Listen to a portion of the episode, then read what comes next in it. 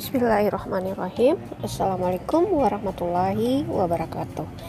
Berjumpa lagi sahabat Idrah Kali ini kita akan membahas topik Meninggalnya ulama adalah musibah yang tak tergantikan.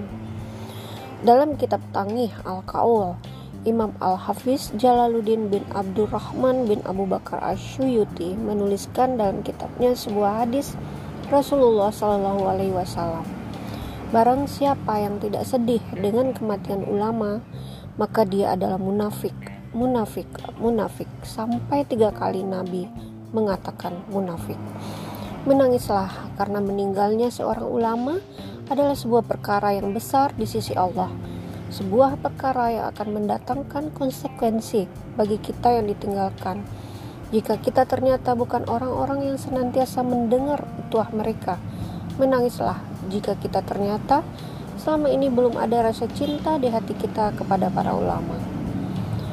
Al-Quran secara implisit mengisyaratkan wafatnya ulama sebagai sebuah penyebab kehancuran dunia, yaitu firman Allah yang berbunyi, dan apakah mereka tidak melihat bahwa sesungguhnya kami mendatangi daerah-daerah, lalu kami kurangi daerah-daerah itu sedikit demi sedikit dari tepi-tepinya.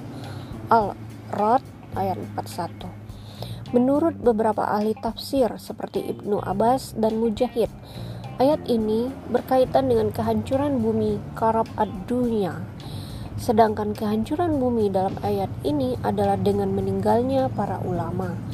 Tafsir Ibnu Katsir 4472. Rasulullah Shallallahu Alaihi Wasallam yang menegaskan ulamanya sebagai penerusnya juga menegaskan wafatnya para ulama sebagai musibah. Rasulullah bersabda, meninggalnya ulama adalah musibah yang tak tergantikan dan sebuah kebocoran yang tak bisa ditambal. Wafatnya ulama laksana bintang yang padam. Meninggalnya satu suku lebih mudah bagi saya daripada meninggalnya satu orang ulama. Hadis riwayat Al-Tabrani dan Al-Baihaqi. Demikian sahabat Ijrah. Sampai berjumpa di episode berikutnya. Alhamdulillahirobbilalamin. Assalamualaikum warahmatullahi wabarakatuh.